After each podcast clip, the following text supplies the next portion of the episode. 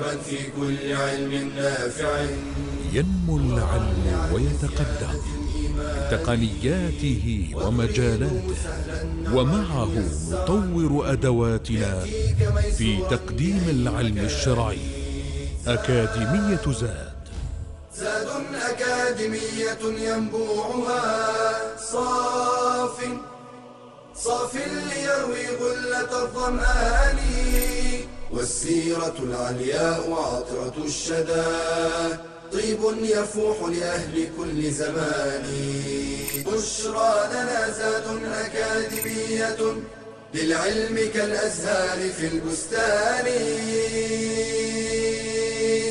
بسم الله الرحمن الرحيم. الحمد لله رب العالمين.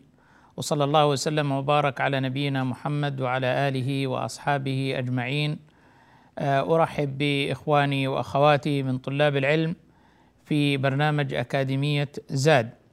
في هذه المحاضرات المرتبطة بمقرر السيرة النبوية على نبينا أفضل الصلاة وأتم التسليم. آه، نتحدث اليوم بإذن الله تبارك وتعالى عن آه، معالم العهد المدني وهو العهد الذي عقب هجرة النبي صلى الله عليه وآله وسلم. كان أول الأعمال التي قام بها النبي صلى الله عليه وسلم أول قدومه المدينة هي بناء المسجد بناء المسجد.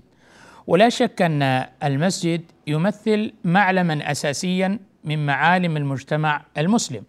والنبي صلى الله عليه وسلم في المدينة أراد تكوين ذلك المجتمع المسلم ومن مكونات ذلك المجتمع المسلم إظهار شعائر الله تبارك وتعالى وكان المسجد واحدا من تلك المهمات الكبيرة ذات الأولوية. فكان أول ما قام به النبي صلى الله عليه وسلم هو بناء آه، المسجد.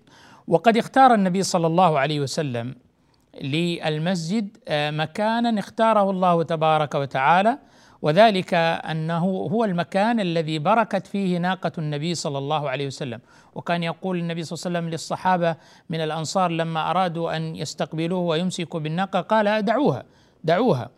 حتى بركت الناقة في مكانها فقال النبي صلى الله عليه وسلم هنا إن شاء الله المنزل. ثم أن النبي صلى الله عليه وسلم دعا آه، آه، غلامين من بني النجار يتيمين وهم سهيل وسهل. آه، كان لهما هذا المربد مربد التمر في ذلك المكان الذي بركت فيه الناقة فساومهم النبي صلى الله عليه وسلم على أن يشتريه ليتخذه مسجدا صلى الله عليه وسلم. فقال الغلامان بل نهبوا لك يا رسول الله. يريدون أن يهبونه للرسول صلى الله عليه وسلم وهذا كرم أنصاري ليس بمستغرب عليهم. لكن النبي صلى الله عليه وسلم أصر على أن يساومهما على أن يبيعاه منه صلى الله عليه وسلم فابتاعه منهما عليه الصلاة والسلام ثم بناه مسجدا كما في رواية البخاري. وفي بناء هذا المسجد الذي جعله النبي صلى الله عليه وسلم مكانا لاجتماع المسلمين وأداء لشعائر الإسلام شارك النبي صلى الله عليه وسلم في هذا العمل الجليل. شارك بنفسه صلى الله عليه وسلم. وكان يحمل اللبن عليه الصلاة والسلام ويحمل الحجارة ويشارك ويرجز مع أصحابه رضي الله عنهم ويقول صلى الله عليه وسلم محفزا ومشجعا لأصحابه اللهم لا عيش إلا عيش الآخرة فاغفر للأنصار والمهاجرة. يرجز بذلك ويعني يحمسهم ويحفزهم. وهكذا يكون المربي وهكذا يكون القائد وهكذا يكون المصلح. حينما يدعو إلى أمر فإنه يكون أول الممتثلين لهذا الأمر وأول المشاركين ويقدم نموذج عملي للناس بوجوده بينهم ومشاركا لهم في هذا الصنيع صلى الله عليه وسلم.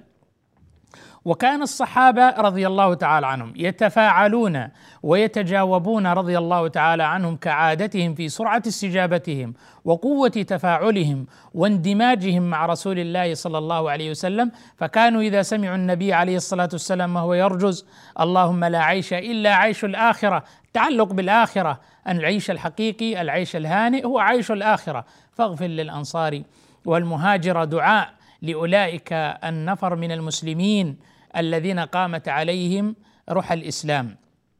فكانوا يتفاعلون رضي الله تعالى عنهم ويقولون لئن قعدنا والنبي يعمل لذاك منا العمل المضلل. كيف؟ كيف يمكن لنا أن نقعد والنبي صلى الله عليه وسلم يعمل ويبني ويشارك في هذا البناء ويشيد هذا المجتمع المسلم يشيده بالتوجيه. يشيده بالوحي يشيده بالتعليم يشيده بالتربية يشيده أيضا بالمشاركة في بناء أعظم معلم من معالم ذلك المجتمع المسلم وهو مسجد النبي صلى الله عليه وسلم. تحفز الصحابة مع هذا النداء وهذا التوجيه وتفاعلوا وعملوا معه صلى الله عليه وسلم وكان من أكثرهم تفاعلا وحماسا وبذلا وجدا واجتهادا وكلهم كانوا ذلك الرجل. كان عمار بن ياسر رضي الله تعالى عنه.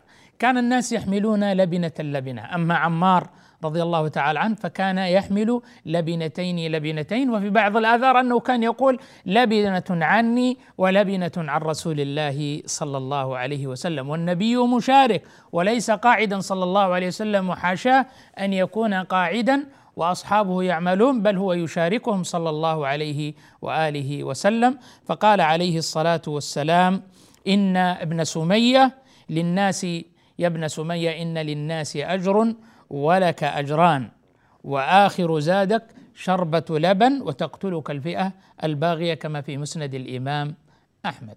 جعل له النبي صلى الله عليه وسلم أجران.